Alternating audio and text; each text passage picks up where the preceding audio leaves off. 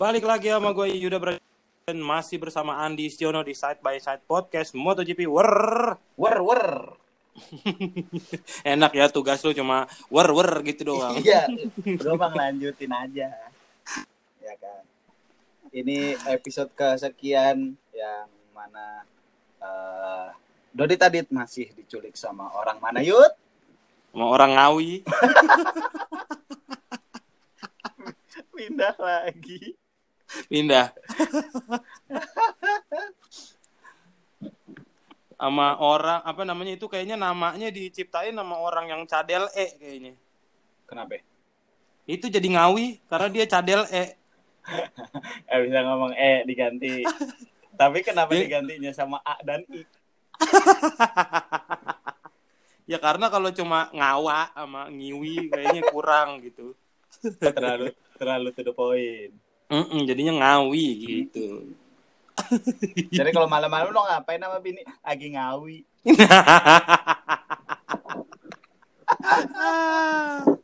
Awas lu ntar. Bagus, bagus. Ini nama Bupati Ngawi lo.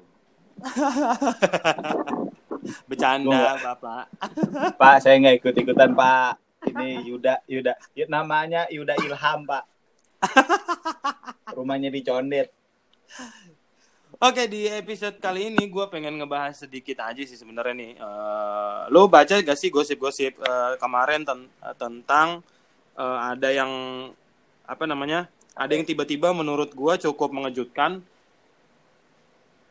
Jadi Apa- kemarin ada press conference dari eh, Kemenpora dan Ah. juga eh, Bapak salah satu anggota DPR yang ketua Humas Harley Davidson Club Indonesia HDCI tahu nggak lu?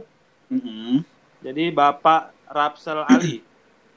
Ah, Nah itu eh, Kemenpora dan dan beliau itu eh, mengumumkan kalau mereka katanya akan bikin Indonesia Racing Team yang eh, apa namanya akan berlaga di kejuaraan Moto3 dan Moto2 mulai musim 2021 gitu katanya. Sekalian dengan adanya ini ya, race di Indonesia. Betul, betul, betul, betul. Nah, gitu. Jadi akan nge-hire pembalap-pembalap dari Indonesia untuk eh, apa namanya untuk turun di kelas Moto3 dan Moto2 yang katanya dia juga akan kerjasama mungkin sama eh, tim dari tim yang udah ada gitu karena slotnya kan terbatas nih nggak bisa nambah slot tim lagi gitu kan. Ya, Jadi kayaknya akan kerjasama dengan salah satu tim untuk bawa pembalap Indonesia ke Moto3 dan Moto2 full season dari mulai eh, musim 2021. Gimana pendapat lu soal soal soal kabar ini? kalau emang bener sih, kalau menurut gua harus harus serius banget ya. Maksudnya, karena gua terakhir baca infonya, gua nggak begitu yakin dengan jajarannya ya. Kalau gue eh, ngelihatnya tuh lebih ke politis bukan ke olahraga. kalau gue ya,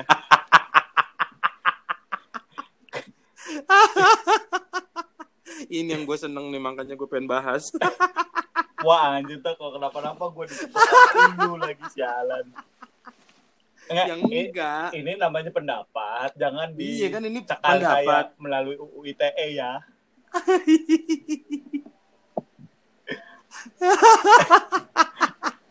Sialan lu. Gue kan ngelihat ada foto-fotonya Yud. Betul, betul, betul. Ah, kalau nggak salah sama Dimas Eki kalau nggak salah deh. Apa? Iya bukan? Dimas Eki Benar, fotonya bareng sama Dimas Eki. Ah, Betul ah. sekali. gitu yang eh, bakalan ngisi slot eh, pembalapnya kan? Ada kemungkinan. Iya, ada kemungkinan. Iya. Karena ya Dimas Eki cukup eh, apa musim kemarin kan sempat di Moto2 juga kan.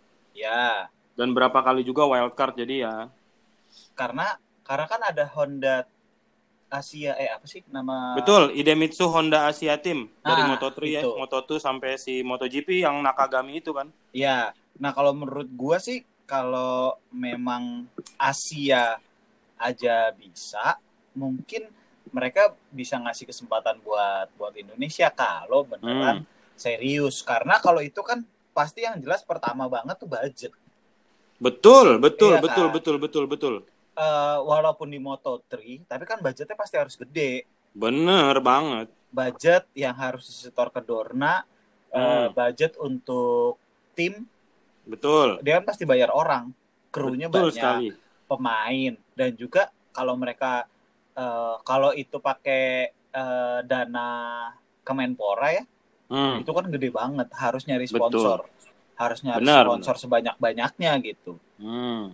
Kalau kalau emang nggak mau boncos gitu. Tapi kalau Betul sekali. kalau memang mereka serius banget mikirinnya eh sejauh itu, gue sih ngelihatnya potensial sih. Ya bukan untuk juara ya, tapi potensial untuk meramaikan Moto3 dan Moto2 gitu. Oke, oke, oke, oke, oke. Untuk paling enggak ada wadahnya buat pembalap Indonesia ke Betul. sana arahnya kan. Betul betul, bener-bener diseriusin gitu. Ya, karena memang jujur aja pembalap Indonesia memang agak kesulitan untuk ada ke tahap eh, sana wadahnya gitu kayak kayak tim-tim lu tim-tim yang ada sekarang di Moto3 Moto2 tuh agak-agak mikir dua kali untuk merekrut pembalap dari Indonesia ya kan. Mm-mm, betul. Ya paling yang yang rekrut kita akhirnya ya cuma ya itu apa namanya Honda Asia Ya, Honda Asia apa Asia apa sih talent team apalah gue lupa, lupa. Honda Asia Team Racing Team Honda Asia Racing Team ya itu. Hmm. yang akhirnya ngerekrut. Pun walaupun dulu Doni Tata direkrutnya sama Grace ini terus eh, Raffi Topan dulu direkrutnya sama eh, KMMF tim dari Kat- yang disponsori nama Qatar. Terus eh, kayak beberapa pembalap juga sempat ada di tim-tim dari luar. Cuma kayaknya untuk mi- untuk bikin full season pembalap Indonesia tuh emang agak susah gitu tembusnya Iya, gue sih nggak tahu Ba- ininya ya. Maksudnya kalau ngelihat dari skill, eh mungkin bukan gue gua mau nyalahin skill si si Hmm. pembalapnya ya. Tapi Hmm. eh, kalau pembalap-pembalap lain kan mereka skillnya bagus karena tempaannya gila. betul Eh, ya salah satunya kayak contoh sekarang Rossi deh. Gitu. Hmm. Rossi kan punya track sendiri, eh, motornya juga betul. disiapin terus gimana mereka gembleng sampai akhirnya uh, prosesnya bertahun-tahun sih memang. Tapi jelas gitu ketika dia apa nah, uh, anak didiknya naik ke Moto3 aja mereka udah bisa uh, nggak cuma sekedar ngeramein uh, slot doang gitu. Betul betul betul betul. Setuju setuju setuju. Kan kalau ngelihat yang kemarin-kemarin tuh lebih kayak kebanggaan negara doang. Gitu. Hmm. maksud gua kenapa nggak jadi eh, nggak kenapa nggak lebih dari itu bisa jadi kebanggaan tim gitu. Karena dari kebanggaan tim itu kan dia berprestasi akhirnya akan naik lagi naik lagi kan. Gitu. Nggak Mm-mm, cuma mm-mm. nggak cuma sekedar eh, sekalinya nongol nggak dari Moto3 dulu gitu. Beberapa pembalap Indonesia kan mainnya langsung ke Moto2 langsung ke moto tuh ya Hmm. mau Moto2 satu season hilang betul. Nah itu yang yang yang agak agak sulit gitu maksud gue. Yang yang mungkin gue sih nah ini makanya kalau pendapat gue pertama adalah satu kenapa baru sekarang? Oh. Ya ya ya ya kita itu punya punya pembalap banyak banget. Dari dulu udah ada udah ngelakuin tahapan-tahapan dari Asia Road Racing Championship terus kita ikut Red Bull Rookies kita ikut lagi yang namanya FIMSEF Moto3 Moto2 Junior Championship. Tapi giliran ke Moto3 ke Moto2 nggak ada yang mau hire gitu. Hmm. ya kenapa kita nggak bikin tim sendiri? Ya dari dulu gitu maksud gue gue gue sebenarnya rada berharap sama Astra Honda Racing Team yang dia tuh sempat nurunin ke Moto3 Moto2 Junior Championship di Eropa. Ah. Nah, kenapa dia nggak mungkin apakah masalah biaya, masalah dana atau masalah slot yang nggak ada untuk ke Moto3 ke Moto2 benerannya gitu. Nah, gue juga agak mempertanyakan itu kenapa baru sekarang nih Indonesia Racing Team kepikiran buat dibikin dan kerjasama sama tim yang yang udah ada gitu. Kenapa nggak dari dulu? Masalahnya kita juga toh kalau masalah sponsor ya gua gua menurut gua gua sih cukup yakin gitu kayak Petronas kan udah bisa gitu yang ngebiayain kayak tim bahkan tim satelitnya Yamaha sekarang sponsornya Petronas ya, gitu, ya kan betul warnanya Searti itu. warnanya warna Petronas banget itu betul nah kita tuh punya banyak banget gua rasa perusahaan yang mau ngebiayain. Kayak Pertamina bohong tidak mau ngebiayain eh, di bidang otomotif kayak gini ya kan? Ya, beberapa kali dulu Rio Haryanto, Sen Glael, siapa pun pembalap yang terjun di di kancah dunia pasti sponsornya Pertamina. Kayak. Bahkan sekarang di di Moto2 itu eh, bukan sekarang sih dari dulu ada tim yang memang kerjasamanya sama sama, sama, eh, produk-produk dari Indonesia kayak Grace ini, Grace ini itu kerjasamanya sama Federal Oil sponsornya, GS Astra, Bolt Experience, kayak produk Indonesia semua, tapi nggak ada pembalap Indonesianya gitu. Iya. Harusnya maksudnya ketika mereka bisa sponsorin si uh, entah agentnya atau apa masukin nih. Lo kan udah kerja sama Indonesia nih. Ini gua hmm. gua punya pembalap nih yang bagus gitu. Dan dan gua nggak tahu ya. Uh, gue sih lebih uh, memilih uh, caranya Rossi. Rossi kan awalnya okay. nongol di Moto3 dulu Sky VR46. Betul. Moto2 belum gitu. Ketika mm-hmm. dia di uh, Moto3 udah oke, okay, oke okay, berani nggak nih naik naik ke Moto2 nih si Betul. timnya dulu nih gitu. Timnya, sepakat, timnya sepakat, berani sepakat. akhirnya naik gitu. Maksudnya kayak ngelihat aja kayak Rossi, Marquez, uh, Quartararo dan yang lain itu kan ber uh, mereka memulai dari bertahap bertahap memulai dari Moto3 dulu gitu jadi maksud gua beberapa kali uh, pembalap Indonesia itu langsung nongol di Moto2 menurut gua malah kayak kok nggak make sense menurut gua untuk yeah, kayak yeah, yeah. kayak Walau, walaupun nggak ada yang salah ya dengan nggak ada yang itu. salah nggak ada yang salah bahkan ada yang dari motor Moto3 langsung lompat ke MotoGP kan betul nggak ada yang salah gitu tapi maksud gua adalah kalau emang tujuannya jangka panjang, iya step by stepnya juga harus dipikirin gitu. Hmm, hmm, hmm. ya, ya, ya. Sepakat, Malah kalau gua ngeliat kayak ini kenapa Moto3 dan Moto2, kenapa nggak Moto3 dulu aja gitu. Hmm. Jadi, jadi fokus pelan-pelan ya. Jadi budget tuh nggak keluar di dua kelas yuk. Betul, kan, betul, betul. Uh, budget ya, hajar di satu tim dulu, di satu kelas dulu, keluarin gitu. Ketika udah membaik semuanya dan udah bisa diperhitungkan, terus mereka mungkin udah bisa dapat profit, nah baru kembangin lagi ekspansi gitu ke Moto2 gitu. Maksud gue pelan-pelan aja. Yes. Uh, nah, apa tuh? Uh, itu yang pertama. Yang kedua yang gue pertanyakan adalah kenapa harus bawa Indonesia menurut gue? menurut gue agak kurang gimana ya kak gue paham kayak ini tuh emang uh, bisnis to bisnis dan negara kita memang sifatnya apa ya nasionalis gitu yeah. kan memang cuma menurut menurut uh, pandangan gue gitu kayak kayak ini membawa nama negara tuh agak terlalu berat aja kenapa sih nggak kalau emang lu mau bikin tim ya udah bikin aja uh, Pertamina Racing Team atau lu mau bikin apa yang yang misalnya yang perusahaan besar di sini gitu Gojek Racing Team hmm. Gojek Racing Team yeah, deh yeah, pembalap yeah. lu Mm-mm, gitu. Maksud gue yang yang yang kayak gitu loh. Swasta su, uh, swasta atau uh, korporasi gitu. Maksud gue yang memang mensponsori ini. Yang gak usah bawa-bawa apa ya namanya ya uh, nama negara gitu. Yang menurut gue jadi beban gitu buat buat kita sendiri. Iya bener. Menurut gue kenapa nggak Gojek Racing Team itu kan bagus ya. Maksudnya tar baju bajunya warna hijau terus dia bawa kresek. Iya kan? Kresek ya kan?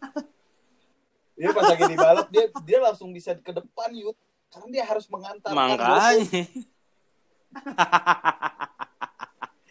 iya paling nggak kalau balapan balapan gagal finish masih bisa nganterin orderan GoFood iya, betul. bintang lima lah. Mm -mm. iya sih kalau kalau pakai karena kayaknya ya pakai kayak di ada nggak di sejarah MotoGP yang pakai nama negara Setahu gue belum ada. Setahu gue sejauh ini belum ada. A kalau ada pun, maksudnya itu adalah perusahaan yang namanya memang ada nama negaranya gitu kayak apa namanya ya, misalnya uh, British eh, apa ya namanya misalnya waktu itu ya. Oh, ya, yang yang memang uh, udah nama produknya dia ada nama negara juga gitu ya. Betul, ya, betul. Iya, iya, iya. Yang kayak gitu. Iya, kayak gitu-gitu. Maksudnya produk-produk kayak misalnya Indomie gitulah. Oh. Itu kan ada ada yeah, indonya yeah, yeah. gitu kan? Ya kayak gitu-gitu maksud gue. Ya kak. Gue sih gue sih setuju. Gue sih setuju kalau kenapa harus pakai nama negara karena itu berat banget gitu. Uh, iya benar uh, benar benar. ya, di sepak bola aja uh, yang pakai nama negara ya timnas. Bener -bener betul. yang memang antar negara gitu. Yang nah. yang di sepak bola itu malah Azerbaijan jadi sponsor. Betul, iya iya. iya. Eh, kalau di apa ya? Kalau di kelas MotoGP sih, Moto2 dan Moto3 itu Indonesia Racing Team tuh kayak ya lo udah ngalahin satu negara. ya kan Benar, Eh, Indonesia benar. paling belakang Nah, gitu maksud gue. Maksud gue yang jadi beban adalah di situnya gitu. Karena lu bawa nama negara gitu. Lu aduh Indonesia paling belakang tuh nanti aduh gimana gitu kedengerannya jadi rada kurang enak gitu. Nah, makanya menurut gue adalah lu mending eh, ini mah pendapat aja ya. Mending cari sponsor sebanyak-banyaknya. Oke lu bikin tim eh, untuk pembalap-pembalap Indonesia yang ada di situ. Nah, lu majuin dah tuh pembalap Indonesia biar bisa naik podium, bisa bisa biar bisa ngibarin bendera merah putih di podium Ah, gitu ah, maksud gue karena itu jauh lebih Iya. penting daripada lu cuma sekedar bawa nama negara di nama timnya Iya. gitu sih kalau gue. kalau kalau menurut gue dengan brand eh, yang Indonesia banget itu udah mewakili Indonesia sih. Betul. Eh, misalkan nama timnya Geprek Bensu. Gep- Geprek Bensu Racing Team gitu. Ya nggak apa-apa terbuka iya kan namanya apa-apa. Kan, bisnis. tapi kan itu Indonesia banget maksudnya dengan Betul. nama seperti itu tuh udah udah ya mungkin ya mungkin ada lagi mau bikin Indomie racing team ya sebenarnya nggak masalah gitu. Tapi kalau dengan Hmm. bener-bener eh, nama Indonesianya banget mah eh, kayak ketika kalah ya kalahnya atas nama bangsa gitu. Nah itu dia makanya. Kalau menurut gue jadi tapi sebenarnya ya gitu ya maksudnya pro pro, pro kontra pro kontra Eh, pro kontranya mungkin lebih ke namanya gitu kayak. Tapi kan kita belum lihat nih perkembangannya apakah benar nih proyek ini akan berjalan dan mulus dan juga eh, apakah nanti namanya akan membawa nama Indonesia Racing Team atau masih pakai nama tim yang yang udah ada itu kan? Kita nggak tahu Iya. juga nih bentuk kerjasamanya kayak apa gitu. Nah itu kabar yang pertama. Kabar yang kedua tiba-tiba kemarin itu ada apa namanya ada sebuah perusahaan dari Indonesia juga namanya perusahaan MP M, MP1 MP1 Ah, itu dia mereka itu bekerja sama dengan Gresini Racing. Gresini Racing yang tadi gue bilang itu udah dari tahun berapa sponsornya selalu dari Indonesia. Eh, walaupun tim Itali Gresini Racing itu eh, tapi sponsornya selalu dari Indonesia bahkan sampai sekarang yaitu eh, apa namanya Federal Oil GS GS Astra Bolt Experience. Eh, itu itu sponsornya pokoknya dari Indonesia. Ikatan batinnya tuh kayaknya ke Indonesia lumayan cukup deket Hmm. gitu. Eh, terakhir itu 2013 Doni Tata di tim itu. Nah si MP1 ini perusahaan dari Indonesia kerjasama sama Gresini Racing untuk bikin semacam akademi balap di Indonesia. Jadi nanti mereka minta untuk Gresini tolong harus ada pembalap Indonesia satu di wah, tim anjir, mereka. Nah itu, ini ini gosip yang kedua. Ah. Gua kayaknya ini di luar proyeknya yang tadi Kemenpora sama eh, anggota DPR itu kan. kayaknya sih iya deh Nah ini kayaknya ini proyek yang lain lagi gitu. ya memang per individu ya per individu korporatnya itu maksudnya Betul. Kayaknya mulai-mulai ada percikan-percikan kayak gini nih. Iya iya iya iya. Kalau Nah, menurut gua cuman gua agak lebih kenapa? gimana ya? Kalau menurut lu gimana? Kalau menurut gua eh itu lebih masuk akal dibandingkan yang Indonesia Racing Team sih. Karena- Des. Akademi itu penting banget. Gitu. Hmm. Karena akademi kan intinya adalah eh belajar. Belajar yang jelas belajarnya pasti dari yang dari yang jago dong. Grace ini udah udah udah malang Betul. lama banget di eh, MotoGP. Betul. gitu. Karena Bener. itu menurut gue itu lebih penting. Kalau Indonesia kan pengennya yang cepet ya, yang instan gitu. Tapi maksud gue eh, dari dari eh, pemerintah atau kementerian juga jangan minta yang instan. Kalau menurut gue jangan berharap yang instan. Nah, Akademi ini lebih, jauh lebih masuk akal sih kalau menurut. Betul sekali, betul sekali. Gue sepakat sama lo. Nah, makanya kalau gua sih pengennya justru mungkin perannya Kemenpora di sini adalah bekerja sama dengan IMI, be- bekerja sama dengan pemerintah daerah, pemerintah eh, eh, kabupaten kota gitu mungkin untuk pembangunan sirkuit, pembangunan sarana yang untuk untuk biar lebih disediakan wadahnya untuk pembalap-pembalap lokal bisa balapan atau minimal untuk latihan karena seperti kita tahu ya kayak Galang Hendra dia udah balapan di World Super Sport udah di kelas 600 cc. Kayak dulu si siapa namanya Hmm. Raffi Topan udah balapan di Moto2 pas pulang ke Indonesia latihannya pakai motor eh, Satria eh pakai motor Ah, bebek. balapannya pakai Ba- Mio. latihannya di gor. Iya latihannya cuma di lap- di halaman gor la- lapangan parkir. Ya kayak mana kita nggak punya fasilitas yang mumpuni tapi kita udah pengen pengen berprestasi di Moto3 Moto2 ya jangan ngomong jauh-jauh Iya. dah. Kalau menurut gue memang lebih baik fokusnya ke eh, pengembangan itu dulu gitu, pengembangan dalam negerinya sih. Hmm. Kalau eh, Betul. kalau mereka bisa nyediain bukan bukan motor MotoGP ya, tapi motor yang kelasnya seperti eh, eh, MotoGP, eh, Moto3 lah, Moto3 atau Super Sport gitu, yang emang bener-bener motor Yes, yang yes. seperti itu dan mereka latihan, mereka eh, balapan di sini dengan motor yang seperti itu gitu, nggak yang pakai naik Hmm. Satria Underbone gitu. Iya, itu dia yang, makanya. yang ketika nanti eh, ada yang curang disambit pakai karung yang di pinggir trek gitu loh. Nah, ya kan itu makanya yang terjadi budaya balapan kita aja di sini masih Hmm. kayak gitu kan. Masih belum Iya, rapih iya. gitu loh maksud gue masih belum belum di sirkuit, masih belum masih bukan belum sih, masih banyak yang belum di sirkuit, masih masih ya di jalanan apa adanya pakai karung. Iya, makanya itu. Maksudnya budayanya masih kayak gitu. Kita belum punya fasilitas yang memadai untuk gimana pembalap kita mau bertarung di Moto3, Moto2 atau di kejuaraan dunia lah gitu maksud gue. Gitu Iya. gitu benar-benar benar. Kayaknya pembangunan sarana juga sarana dan prasarana juga harus mulai dipikirin sama Kemenpora dan pihak-pihak yang Iya, terkait. karena kayaknya. di luar negeri kalau untuk di eh, ini aja deh yang mobilnya beda banget eh, F1. F1 kan F1 Oke. kan sebelum F1 di F2. F2 sebelumnya lagi F3. Ada lagi F1000 kayak gitu-gitu. Mm, Eh, betul. bocah bo waktu mereka masih bocah mainnya eh, ini kan eh, go-kart gitu. Tapi Go-kart, go-kart kan yes. dia seserius itu mereka ngemas ngemas pertandingannya, akademinya, pelatihannya seserius itu gitu. Terus akhirnya naiknya pelan-pelan. Contohnya sekarang nih yang eh, lagi hot banget Mick Schumacher. Itu anaknya Michael Schumacher. Yes. Nah, dia pelan-pelan sama kayak bapaknya Ya. juga. Gitu. Apalagi Betul. si Mick Schumacher ini nggak dilatih sama bapaknya, orang bapaknya masih Hmm. koma di rumah.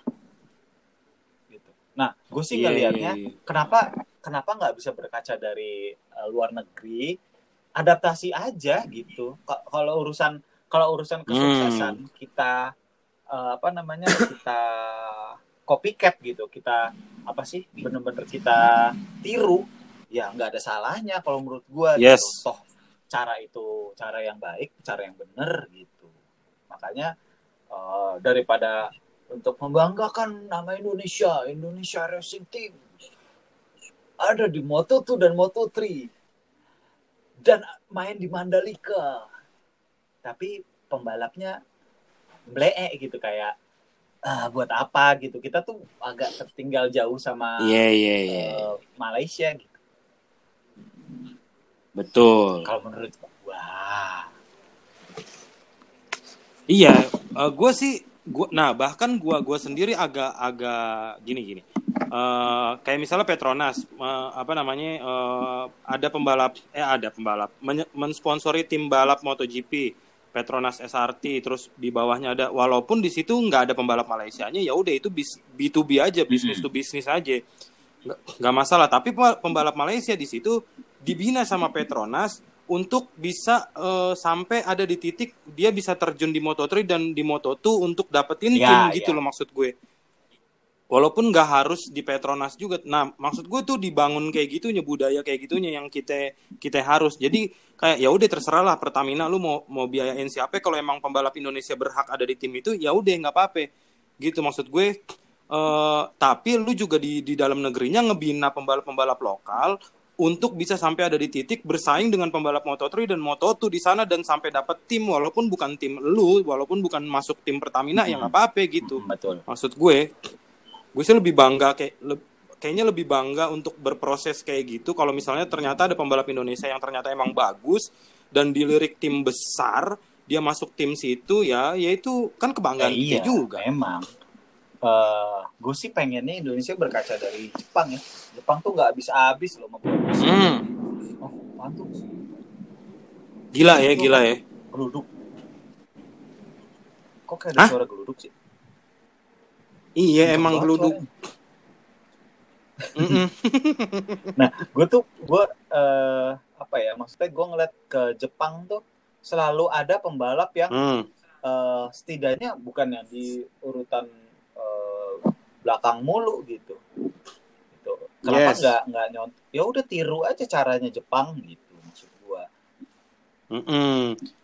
Eh, regenerasinya jalan untuk sampai di tahap itu tuh Iya. terus ada gitu. Untuk untuk bisa sampai ke Moto3, Moto2 selalu ada pembalap yang pembalap Jepang yang ke sana arahnya gitu. Nah, itu yang yang Karena benar karena dulu aja mereka sih. sampai punya Tadayuki Okada loh. Yang satu Betul. tim dengan Ah, Makoto Tamada. Okada tuh gila loh. Maksudnya dia tuh bisa eh apa ya ngeganggu dominansinya si Michael Duhan. Duhan Duhan, betul. apa ya maksudnya kayak kayak Rossi di masa mudanya kayak Marquez di di sekarang Yes. gitu. Duhan tuh hebat banget gitu. Yes, yes, Eh, yes, yes. Dan iya. ada Tadayuki Okada Tadayuki waktu Okada itu di kan. Repsol Honda. Ada lagi nama-nama besar kayak Betul. Daijiro Eh, Kato. ini si siapa namanya? Ros, eh, Norifumi Abe yang jadi eh, Betul. dia kan fan, apa eh, diidolakan oleh Rossi malah. Gitu. Terus Benar. sekarang ya ada Takaki Nakagami lah. Takaki Nagagami sebelumnya Shinya ada Shinya Nakano, Nakano betul. kayak dia sempat di gitu-gitu kan. Kawasaki kan, Shinya Nakano. Gitu. Maksud Betul. contoh ke situ aja eh, paling deket loh itu. Yes, Jalan regenerasinya terus, gitu. jalan ya. Walaupun kayak misalkan ada masanya di di MotoGP Jepang lagi nggak begitu menonjol nih gitu. Tapi Oke. Moto3, Yeah. Moto2 gokil. Kemarin kemarin orang Jepang kalau nggak salah Nah. juara di eh, Moto3 atau yang lagi mimpin klasemen ya di Moto3. Ya, Nah. Ai Ogura, Ai Ogura. Makanya. Itu lagi sempet di depan lah Eh, di jatuh Moto3. kemarin ya. Itu maksudnya Yes. eh, Jepang nggak jauh loh dari kita dan kita ada eh, ya dia pernah ngejajah kita gitu. Jadi kita bisa lah bisa lah ngambil Hmm. eh, baik-baiknya. Ah, ah, gitu. Ilmunya. Mm-mm. Menurut gue sih gitu. Di- dibanding harus kita nyuntik Iya, secara instan gitu-gitu ya, Ndi. Karena ya jangan yang instan kan nggak ada yang eh, ke- eh, ya jangka pendeknya oke, tapi jangka panjangnya kan orang semua pengennya jangka panjang.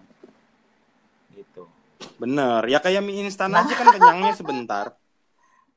Iya. Itu aja kan istilahnya. mie instan tuh dari pembuatannya sampai kenyangnya ada orang instan. masaknya tiga menit. Iya. Masaknya 3 menit, Iya. kenyangnya cuma 20 menit. Udah habis itu lapar lagi. Aduh, ya udah kalau gitu. Pokoknya kita sebenarnya ngedukung pembalap Indonesia untuk tetap ada Oh, di pasti Moto3, di Moto2, bahkan Pasti sampai ke dong. MotoGP Dukung kita dukung banget. Hafiz Syahrin aja Iya. bisa pembalap Malaysia ke ke MotoGP. sampai ke Moto MotoGP Sekarang lagi turun. walaupun ah. sekarang balik lagi ke Moto2 tapi ya udah gitu. Tapi jadi kita sebenarnya mah support, full support cuma emang eh, ya namanya Ya. pro kontra pasti ada. Ya kita sih menunggu apa yang bakal dilakukan sama Indonesia Racing Team dan juga sama MP1 ini yang mereka kerja sama Grace ini semoga semuanya semuanya tuh apa ya namanya membuahkan hasil yang baik untuk Pasti. pembalap-pembalap Iya, dari harapan Indonesia kita lah. juga semua itu. Ya kontranya kita juga sebenarnya saran sih sebenarnya. Gitu. Ah. Bener, lebih ke Iya, saran dan sudut masukan. pandang dari eh, pecinta MotoGP lah. Hmm, MotoGP dan juga eh, apa namanya sebagai warga Oh, betul negara sekali. Indonesia. Jadi ya begitu kira-kira bapak-bapak mungkin siapa tahu nanti ada yang dengar dan ada yang nyampin. Ya siapa tahu itu makan mungkin ada ada saran-saran dari yang mulai dipikirin oh iya kita harus bangun sirkuit. Gue sih senang banget kalau mulai kita kita punya kompetisi kompetisi yang mungkin mirip Moto3 Moto2 junior Iya. gitu punya sirkuit-sirkuitnya di sini gue sih akan keliling Indonesia untuk untuk nonton kalau misalnya memang kita bisa punya kompetisi sebagus dan serapih itu Iya. Betul. Karena itu eh, Jadi, kan jadi pemasukan negara lagi. betul pokoknya itu kira-kira kita support selalu pembalap Indonesia terima kasih buat teman-teman yang sudah mendengarkan terima kasih Andi Istiono buat Terima waktunya kasih juga kita Yuda. dua setengah jam tag podcast Ini berapa episode dihajar terus. gokil ya pokoknya terima kasih teman-teman yang sudah mendengarkan ya sampai ketemu semuanya. di Side by Side podcast MotoGP episode selanjutnya dadah.